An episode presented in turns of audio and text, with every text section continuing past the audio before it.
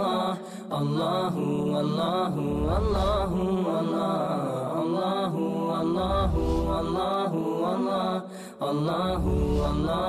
الله ذاك العظيم في علا من أبدع الكون سوى سبحان الله وبحمد الله الحمد لله رب العالمين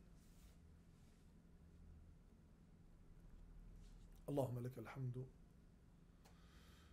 أولا وآخرا ولك الحمد كما ينبغي لجلال وجهك ولعظيم سلطانك. اللهم صل وسلم وبارك على محمد وعلى آله وصحبه أجمعين.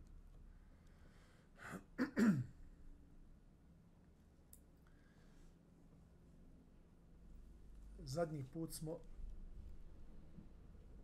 spomenuli Kaaba ibn Malika radijallahu anhu i ono što mu se desilo na dan, to jest u danima bitke na Tebuku. I govorili smo o tome kako čovjek svojim odlaganjem obaveza može da doprinese sebi, svome životu, svoje vjeri, kao što je to uradio i Kabin Malik, radijallahu anhu, odgaje, odgađući, odgađajući, odgađajući znači, tu uh, obavezu odlaska sa Allahovim poslanikom, sallallahu alaihi wasallame, i ostalim ashabima u bitku na Tebuku. I došli smo do ovoga dijela, a to je da Allahu poslanik sallallahu alejhi ve selleme nije me spomenuo sve dok nije stigao do Tebuka. Znači to su bili mnogobrojni ashabi. I kada je sjeo sallallahu alejhi ve selleme sa ashabima pogledao u skupinu i nije našao Kaaba. Pa je upitao šta je uradio Ka'b Malik. Jer, braćo moja, Allahu poslanik, alaih sallatu wasalam, je znao koliko vrijedi ovaj ashab. Znači, on je pitao zato što mu je on falio. Zato što je znao, sallallahu alaihi wasalam, za njegovu iskrenost i njegovu žrtvu na putu Islama. I sada imamo jedan zanimljiv moment koji je danas jako aktuelan i za koji možda mi smatramo u pojedinim momentima da je to nešto novo i e, nekad se ljudi ne mogu da nose sa tim na jedan zdrav način. A to je da jedan od ljudi iz plemena Benu Selima rekao Allahov poslanik, znači Allahov poslanik, ali sato sala, pita sahabe prisutne šta je sa Kaabom, ne vidim ga. Od uvijek je, braćo moja, bilo ljudi sa brzim i dugim jezikom. Nemojte se izna... danas e, iznenaditi da ima takvih ljudi da, i da znaju da izlete. To je, to je od uvijek bilo. Znači, e, jezik je neprijatelj čovjeku je vrsti odavnina. Jer je to organ koji ako se upotrijebi u zlu, šteti i onome koga je upotrebio i šteti i drugim ljudima. A ako se uposli u hajr, koristi i onome koga je uposlio u hajr, a i koristi drugim ljudima. To je jedna od najvećih sredstava, braćo moja, za širenje i dobra i zla.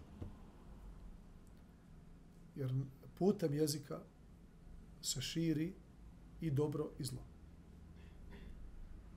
I zato nemojte da vas iznenadi da imate ljude oko sebe koji imaju i dug i brz jezik.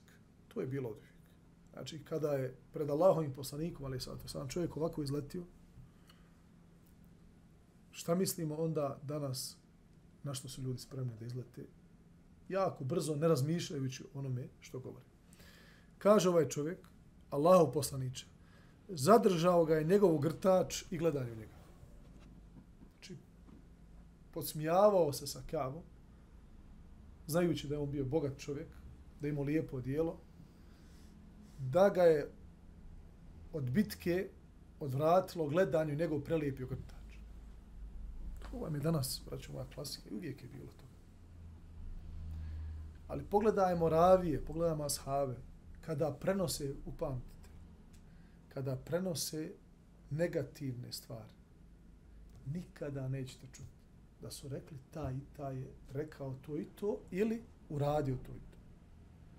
Uvijek kaže, došao je jedan čovjek ili beduin ili iz nekog plemena, njegovo ime i prezime nećete čuti da se spominje. Iako su ashabi i onaj ko čita hadis Allahu poslanika ali sato selam vidjet će da, su, da u jednom hadisu se zna spomenuti po nekoliko imena. Znači, ljudi su poznavali imena i prezimena jedni drugi.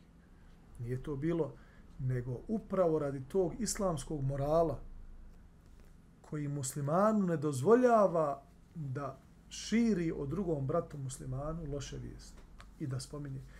Kao ibret, kao što je u ovome, u ovom i u sličnim uh, rivajetima spomenuto, ibreta radi da se spomene loš govor, loše dijelo, da bi čovjek uzeo povuku iz toga, to je pohvalno. Dok je zabranjeno i pokuđeno da čovjek spominje i prenosi šta je taj i taj uradio, šta je taj i taj rekao, imeno i prezimeno, jer nemamo od toga nikakve apsolutno koristi.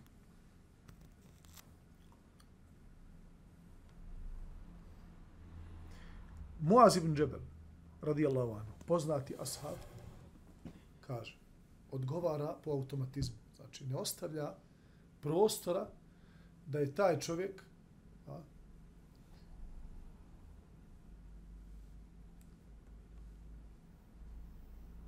e, spomenuo Kaaba po lošem i da su ostali ashabi ostali da šute. Kaže, ružno, ružno je ono što govoriš.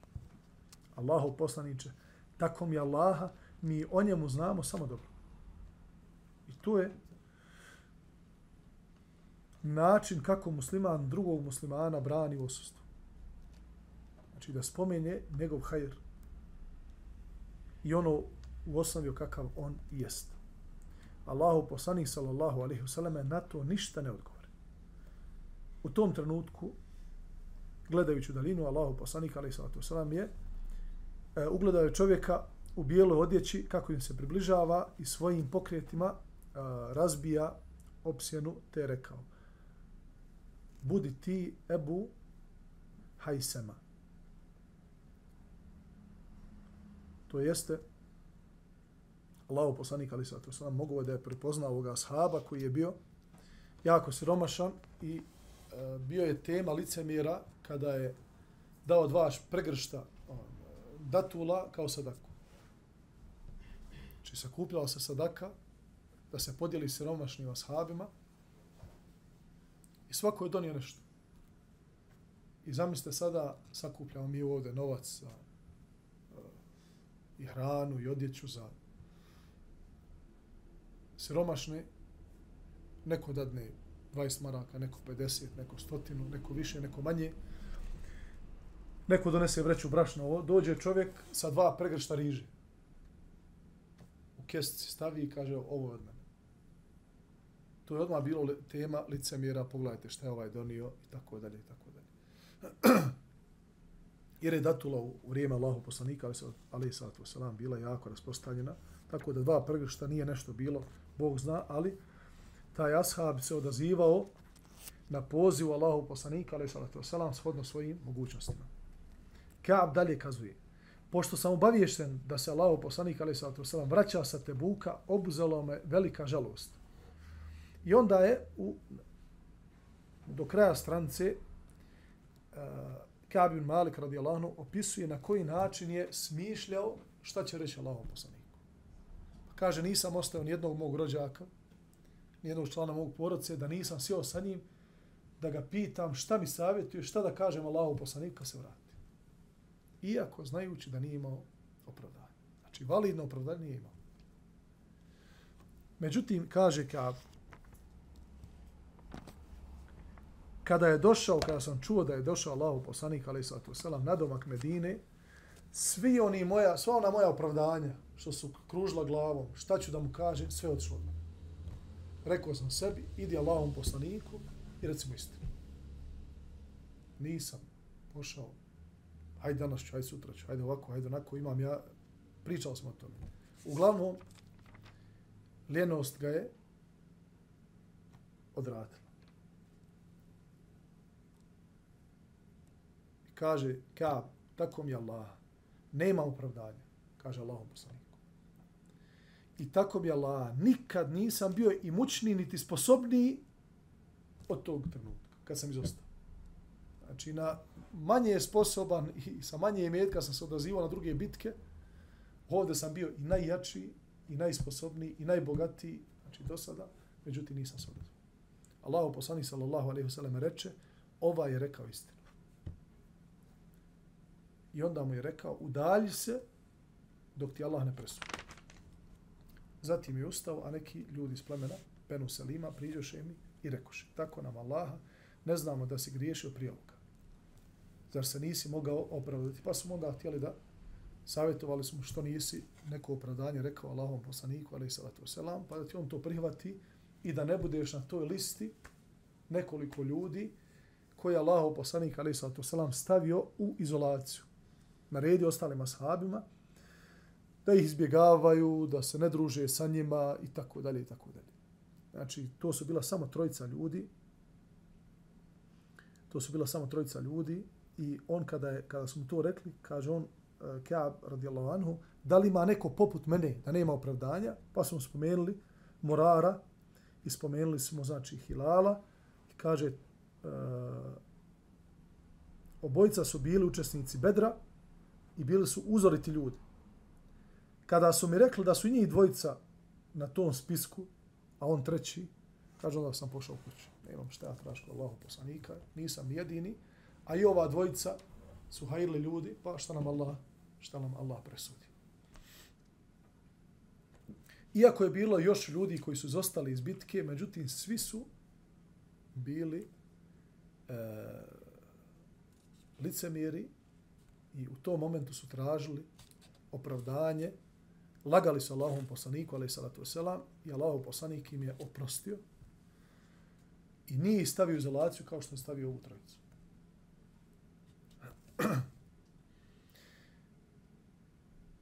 50 dana je ovo sve trajalo. 50 dana nije dolazila objava o Kabu i ovoj dvojici, Hilalu i, i, i Moraru. Zamislite stanje trojice ashaba sa kojima niko ne želi da se selami, ni da se e, rukuje, ni da priča, ni da ga zovne na večeru, ni da mu odazove se na svobet, ništa. Pa kaže Kavni Malik, tako mi Allaha, Kaže, upravo mi je bilo onako kako, što, kako Allah opisuje, odakata alihimul ardu bima rahubet, da mi je, kaže se, stisnuo dunjaluk, koliko god on bio širok. Kaže, stisnuo mi se, nemam kuta. Pa sam se popeo, popeo sam se na krov moje kuće, da klanjam namaz. I onda se desilo Znači, onda je došao glasnik, to je se glas do, do Kabe Malika, kako se opisuje, da vam pročitam dosljedno o čemu se radi, da ne bi nešto propustio.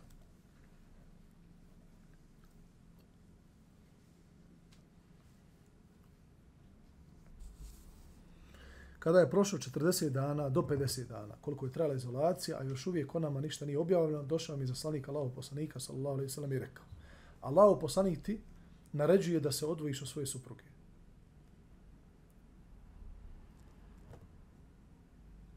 Kaže ka da je razvedem ili da uradim nešto drugo. Upitao sam ga. A on mi reče ne, nego ne približava joj se u postelju. Znači imaš ženu, Allah poslanik ti zabranio da joj se primičeš. Što je još normalno povećalo i njegovu tugu i žalost i težinu ove izolacije.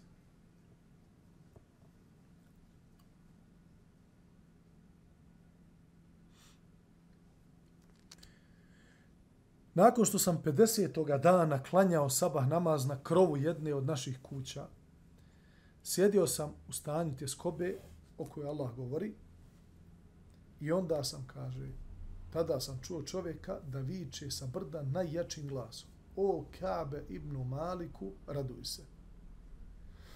Pao sam na seždu jer sam znao da je došao izlaz od uzvišnog Allaha. Nakon što sam klanjao sabah namaz, Allahu poslanik sallallahu alejhi ve selleme objelodanio je da nam je Allah oprostio. Pa su nam ljudi dolazili i čestitali. I moje i moje dvojice prijatelja otišle su otišli su ljudi da uzmu muštuluk. A pra meni je jedan čovjek pojurio na konju, dok se drugi koji je bio iz plemena Eslem popeo na obližnje brdo, to je onaj što ga je čuo, i sa njega povikao. Glas ovoga čovjeka je bio brži od konja. Utrkivali su se ko će da uzme muštuluk, jer je to ono što je običaj našega naroda, da kad dođe radosna vijest, kaže otiđi uzmi muštuluk da, da ti nešto dadne. To je bilo u doba ashaba, poslanika, ali sallatu selam. Znači ništa, ništa što nije, što nije poznato i prvoj generaciji muslimana. Kada mi je došao čestitati ovaj čovjek, čiji sam glas čuo, skinuo sam oba dijela svoje odjeće i dajući mu muštuluk, ogrnuo ga njima.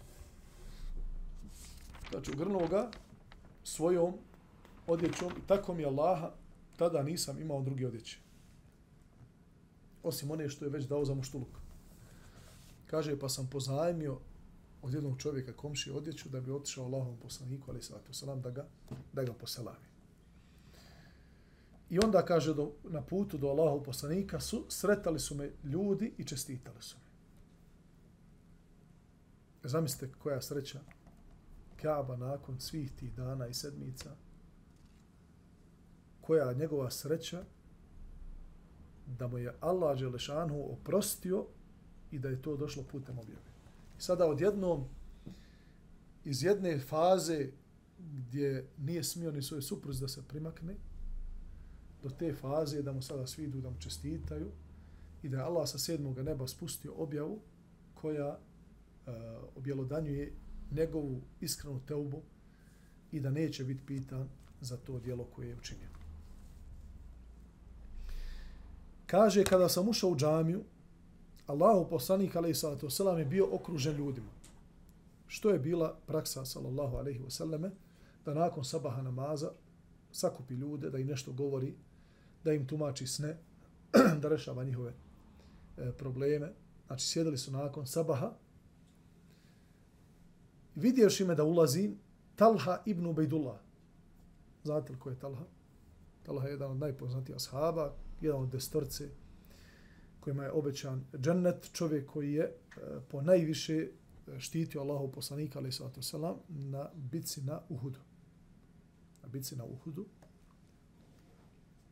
Kaže, kada me je ugledao, skočio je i prišao i zagrlio me da mi čestita.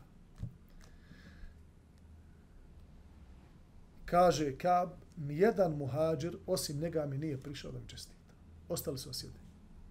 A kaže, ovo što mi je Talha uradio, nikad mu neću zaboraviti. Inače, ljudi su, braću moja, e, vezani da ne zaboravljaju emotivnim momentima ono što im se uradi. Pogotovo ono što im se uradi od hajra. Zato je jako bitno, radi bratskih odnosa, radi prijateljstva, da budemo uz one koji su u iskušenju u problemu. Znači, neko je nekoga od porodca izgubio, neko je preselio porodice. Ili čuješ da je ne znam, nekom je izgorila kuća, da mu je otišao i metak, da je napravio sudar s autom, da mu nešto treba, da je u potrebi. Znači u nekom stanju koje je varedno, nije normalno stanje. Potrči i požuri da pomogneš takvome, jer ti to neće nikad zaboraviti. I tako se gradi prijateljstva i tako se gradi iskreno bratstvo u ime Allaha Đelešanu ovo što muhađer nisu ustali, Allah najbolje zna, može se tumačiti da zbog toga što su sjedili sa Allahovim poslanikom, ali salatu wasalam, pa nisu htjeli da prekinu a, da prekinu dželsu ili taj međlis sa Allahovim poslanikom, da napuste Allahov poslanika kako bi došli do Kaaba. Znači nisu htjeli da, da napuste taj međlis, da ostave samog Allahov poslanika i da da osta, odu kod, kod Kaaba ibn Malika radijallahu anhum ajma'in. I onda je Allah, Allah poslanik sallallahu alaihi sallam nakon što mu je nazvao selam, rekao raduj se najboljom, najboljem danu koji ti je došao od kako te majka rodila. Pitao sam, je li to Allahu poslaniče od tebe ili od Allaha? A on je rekao, ne, nije od mene, već od uzvišenog Allaha. Kada bi Allah poslanik sallallahu alaihi wasallam bio radostan, lice bi mu zasjelo kao da je komad mjeseca i to nam je bilo poznato. Znači, bilo je poznato da Allah poslanik alaihi sallatu wasallam kada bi se kada je bio jako radostan, e, njegovo, na njegovom licu bi se poznala ta radost, znači prosvjetlo mu se lice i vidla mu se velika radost na njegovom, sallallahu alihi wasallam, licu.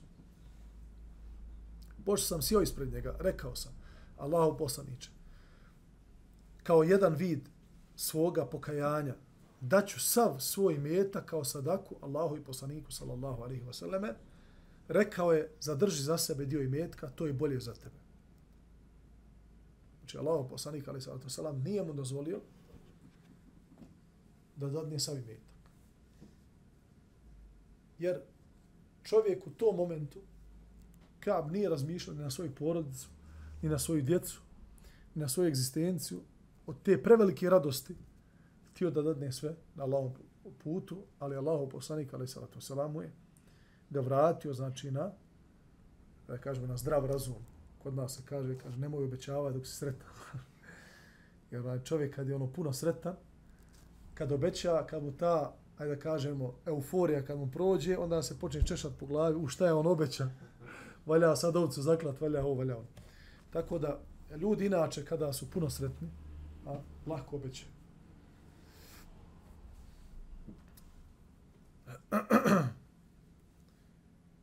Zatim sam rekao, onda ću zadržati samo svoj udio na hajberu. Allaho poslaniče, zaista me Allah spasio zbog moje iskrenosti. A u moju teubu spada i, i to da ću govoriti istinu dok god sam živ. Znači, šta se desilo ovdje?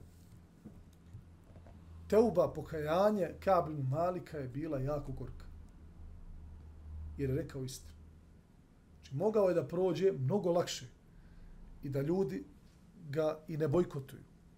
I da mu ne dođe glasnik koji će mu reći da je Allah poslanik, ali sada, salam rekao, dvoji sa žene, super. I da mora sam da klanja na krovu svoje kuće i tako dalje, tako dalje. Mogao je to sa nekoliko riječi sve da izbriše. Međutim, ostala bi crna mrlja na njegovom defteru dijela, Allah najbolje zna do sudnjega dana. Međutim, njegova iskrenost koju je govorio je, je to je ta tauba koju čovjek e,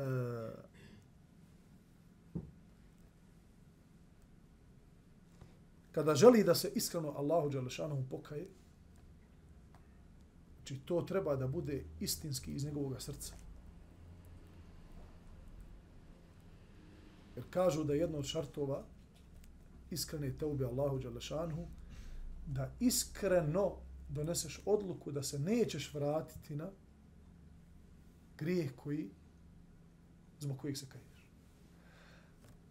Ako postoji i jedan posto u tvome srcu namjere da se ponovo vratiš tom grijehu nakon pokajanja, tvoja te nije iskrena. Ako nema u tvojoj namjeri ni jedan posto namjere u tvojom, u tvojoj teubi, nema ni jedan posto namjere, da ćeš se ikada više vratiti i ponovo se vratiš, ovo prvo se računa te nasuha. Iskrena namjera. Jer nisi imao namjeru da se vratiš, ali ponovo si pao zbog svoje slabosti. Međutim, kajem ti se gospodar, estahfirullah wa etubu ilaik. A u toj teubi, jedan posto ima sam. Namjere, pa eto, ako ja opet ako se pruži prilika, ja bi opet taj grijeh počinio. Ova teuba se ne prima. Nije teuba tema suha. Jer gubi jedan od šartova, a to je iskrena namjera da se nikada više neće vratiti tom griju. To je se desilo ovdje Kabu i on se iskreno pokaja Allahu Đalešanu i priznao Allahom poslaniku, ali salatu selam, šta je u istinu bila njegova namjera i zbog čega je odsustvovao od bitke na Tebuku.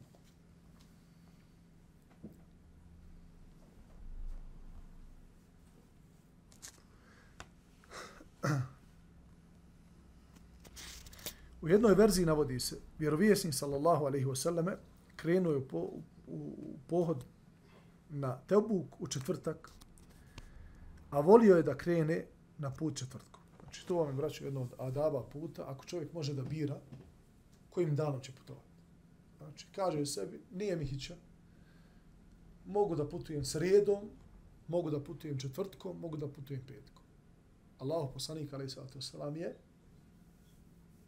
preferirao i ako je ikad ikako mogao da bude u mogućnosti, to bi radio, to jeste putovao bi rano četvrtkom. To je suneta Rasulullah sallallahu alaihi wasallam sallam.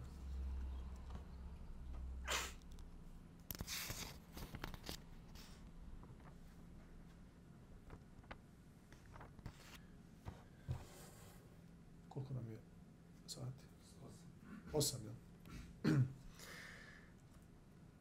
od Ebu Nuđejda, Imrana ibn Husayna el Huzamije, Huzaija, radijallahu anhuma, prenosi se da je neka žena, opet neka žena, znači ne spominje se ime i prezime žene, jer će se nakon toga spomenuti grih koji je počinila. I to vam je, braćo moja, pogledajte, pravilo, pravilo kod prenošenja, kako hadisa, tako predaja od prvih generacija muslimana.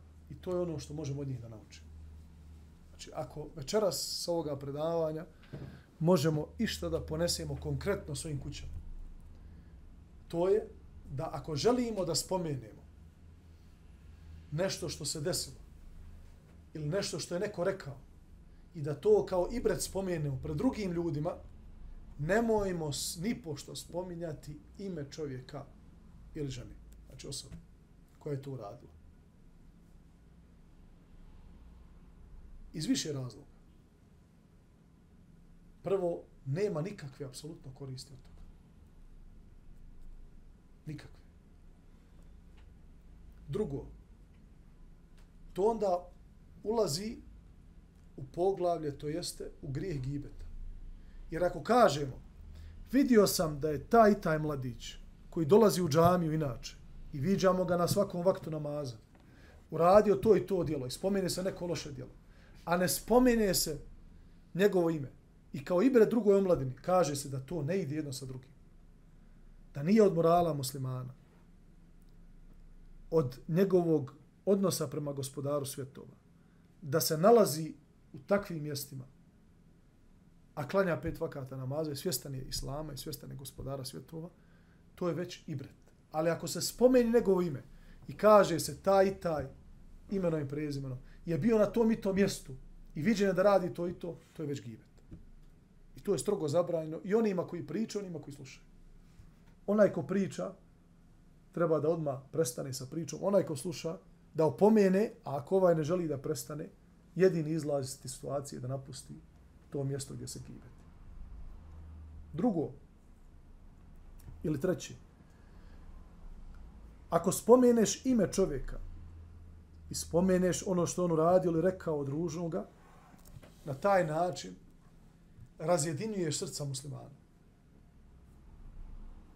Razjedinjuješ šta? Srca muslimana. Jer je osnova da musliman u drugom muslimanu misli hajr, misli dobro. Ali ako čovjek čuje i ako mu dođe neko sa haberom da je neko uradio to i to neko djelo koje je ružno ili da je rekao nešto, nešto što je ružno, tebi bez imalo kontrole na tvojim srcem počinje taj čovjek da hladi. Znači, tvoj odnos prema njemu nije više kakav je bio prije nego što si to čuo. I danas ćeš čuti za jednog, sutra ćeš za drugog, prekstra ćeš za trećeg, za desetero, za stotinu. Šta će na kraju se desiti? Na kraju će se desiti da imaš loše mišljenje o većini ljudi. Srca će se razjediniti, nema snage džemata, a svi sinovi Adamovi, svi ljudi su griješnici. Samo što nečiji grijeh se vidi, nečiji se ne vidi. Za, nek, na, za nečiji se čuje, za nečiji se ne čuje. Pa ako bi sve tajne grijehe svih muslimana, ako bi se pročulo za njih, niko se, ni, ni sa kim ne bi družio. Niti bi kokoga salami, niti bi kokoga salami. Ali Allah prekrio. Zato Allahovo ime Setar. Onaj koji puno prekriva mahane i grijehe ljudi. I mnogo grijeha će da sudnjemu dalo biti prekriveno. Iz Allahove apsolutne milosti prema svojim robovima. Tako da, ako večeras išta ponesemo, ponesimo ovaj princip prvih generacija muslimana, da kada bi govorili nešto što se desilo od lošega, ne bi spominjali ime. Desilo se to i to. Rekao jedan to i to. I spomeniš čemu se radi i kažeš šta je ibret iz toga. Znači, neka žena, kaže, neka žena iz plemena Džuhejna počinila je blud i zatrudnjela je. Pa je došla Allahovom poslaniku, ali i salatu selam i rekla, Allahov poslaniče, uradila sam ono što nalaže kaznu, jer je bila udata. Pa je izvrši nadamno. Allahu poslanik sallallahu alejhi ve sellem pozvao jednog njenog staratelja i rekao: "Lijepo prema njoj postupaj. A kada se porodi, dovedi mi je." Tako je učinio, pa je Allahu poslanik sallallahu alejhi ve sellem naredio nakon što je došla da se njena odjeća pričvrsti, da ne bi spala sa nje, potom je kamenovana. Zatim joj je Allahu poslanik sallallahu alejhi ve sellem klanjao dženazu. Pa je Omer radijallahu anhu pitao: "Allahu poslanice, zar ćeš joj klanjati dženazu, a ona počinila zinalog?" Sallallahu alaihi ve sellem reče, reče, ona se pokajala tolikim pokajanjem da bi, kada bi se podijelilo na 70 ljudi iz Medine, svima bila dovoljna. Ima li vrednijeg pokajanja od onog da čovjek potvrdi svoje pokajanje, predajući svoj, svoj život Allahu Đalešanhu, a ovaj hadis bilježi ima muslim. To jeste, uh, kada je došla Allahom poslaniku, ali sallatu salam, i priznala grijeh i tražila da se izvede šarijatska kazna nad njom, to je bio dovoljan praktični pokazatelj njene iskrene teube Allahu subhanahu wa ta'ala. Od Ibn Abbas radijallahu anhuma i ovaj hadis kojim ćemo završiti, u stvari imamo još dva hadisa, onda ide novo poglavlje. Prenosi se da Allah poslanik sallallahu alaihi wasallam rekao, kada bi čovjek imao jednu dolinu zlata, zaželio bi da ima dvije. Znači, insan je takav, braćo moja. Nikad mu nije dosta. A čovjek koji u osnovi za život na ovom svijetu dovoljno jako malo. Da ima nešto odjeće, da prekrije svoja stida mjesta.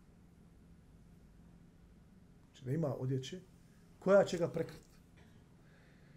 Da ima hlov na glavu koji će ga čuvati od nevremena, od toplina, jednostavno da, koji će mu čuvati njegov avret, da na večer kad legne, da ga ljudi ne gledaju, da nije pod mostom, da nije na ulici.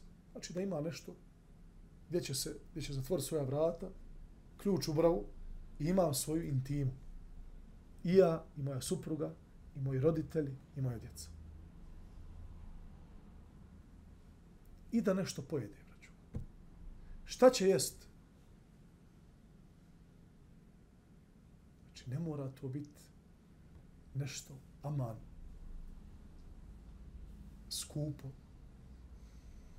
Evo danas sve više idu studije ka tome da jedenje, znači prvo što nam ne treba puno da jede. Znači nama ljudima da bi bili snažni i da bi opstali, naš život opstao, ne treba ono uopšte puno hrane. Koliko se možda prije, daj da se jede, treba se najest, ako da budeš jak, moraš tepsiju pite i pojesti to je to nigdje veze s vezom, braću. To nigdje se veze s vezom. Druga stvar, danas sve više idu, ide se ka tome da ono što je oko nas, što imamo od voća, od povrća, od ono što je prisutno tu, malo nešto hrani, da je to čovjeku dovoljno. E sada, zbog izobilja u kojoj vi trenutno živimo, izobilja hrane, i da uvijek ima nešto na dohovat ruke što se gricka, čovjek sebi razvali želudac. I od jednog želuca koji je otprilike ove veličine, dobijemo oliki želudac. I onda dvije kila hrane ne može biti. Koja, brate, ja moram danas pojest, znači za desetorcu, pometo. Pa, brate, pomete zato što se razvalio želudac. I to je normalno. Čim je ovoliki, ti ako pojedeš ovoliko, što je dovoljno možda dvojici, kao ja i dalje glada. Kao nisam još napunio trećinu, pa nisi, brate. Ima do tvoje trećine kako hoćeš. Ali to je zbog, to je zbog, zbog, onaj, to si ti sam uradio. Znači, ta tvoja trećina koja je narasla, koja je postala pravo velika, to je, to je dijelo tvojih ruku. Znači, nije ti Allah stvorio toliki želdac. Ali eto opet da Allahove milosti, čovjek malo uz post, uz e, režim, da se malo strpi s tom glađu, želdac se ponovo smanji. Znači, želdac je takav, iako se raširi, može se ponovo u većini slučajeva smanjiti. I čovjeku zaista ne treba puno. I mi vidimo iz života onih koji su nas pretekli u dobro. Oni koji su bolje razumjeli i dunjalu i ahiret. Da nisu imali po 10-20 pari odjeće, da nisu imali uvijek u izobilju hranu. Nekad je bilo. Znači, spominje se da je osnova suneta Rasulullah ali sallatu selam da je imao zaliha hrane za godinu dana. Ali u isto vrijeme spominje se da je bilo e, razdoblje u njegovom životu sallallahu alejhi ve selleme kada se vatra ne bi naložila po dva, tri mjeseca, pa što je bilo malo datula, malo mlijeka, malo vode, to je bilo dovoljno. Neko donese od, od, od komšija, od komšiluka nešto hrane, pojede se to i to. Niko nije umro od gladi prije 1400, 400 godina u dubini pustinje u Hidžazu. A da mi u ovoj lijepoj, zelenoj, rodnoj Bosni umremo od gladi. Nema toga ništa. Znači ovde zasi, pored puta, ovde, par, par, onaj, kako se zove, pa, nekoliko ne znam ja, luka, krompira, paradajza, sve nikad. Ne trebaš plaho nešto ne zalijeva. Samo nikad, Allah da. Znači, ne treba čovjek da se sikira, međutim, insan je takav. Dobije ovoliko, hoće još ovoliko.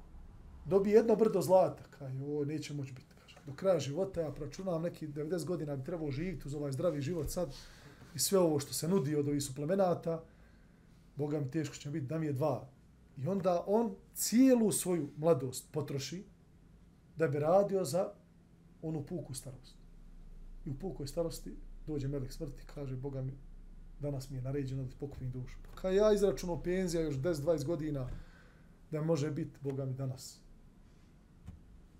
Umjesto da potroši svoju mladost u hajr, prosperitet, da osnuje svoj privatni biznis, da bude koristan i sebi, svojoj porodici, svom dunjalku, svom ahiretu.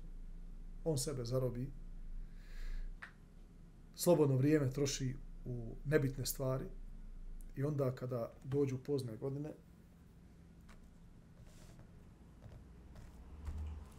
kod nas stari bi gledali, rekli, kaže, gleda odakle je vedro. Dakle, treba da, da zavedri. Ebu Hore radijallahu anhu, prenosi da Allah poslanik sallallahu alejhi ve sellem rekao: Uzvišeni Allah smije se dvojici. Znači Allah poslanik alejhi salatu vesselam spominje ovdje osobinu Allaha dželle da je nasmijan prema dvojici. Kao što je srdit zbog grijeha, kao što je srdit zbog grijeha, kao što je zadovoljan sa dijelima dobrih ljudi, tako se i nasmije dvojici. Koje dvojici se smije Allah dželle? Ljudi koji se međusobno bore, pa jedan drugoga ubije, a obojica uđu u džanet. Kako to? Bore se jedan protiv drugog. Jedan ubije, jedan ostane živ, obojica na kraju džanet. Onaj što se borio i poginuo, borio se na Allahovom putu i poginuo ko šehid. Nakon njegove smrti, onaj što ga ubio, prihvati islam, pokaje se Allahu i umre na islamu i uđe u džennet. Šta je bilo s onim što je uradio prije islama?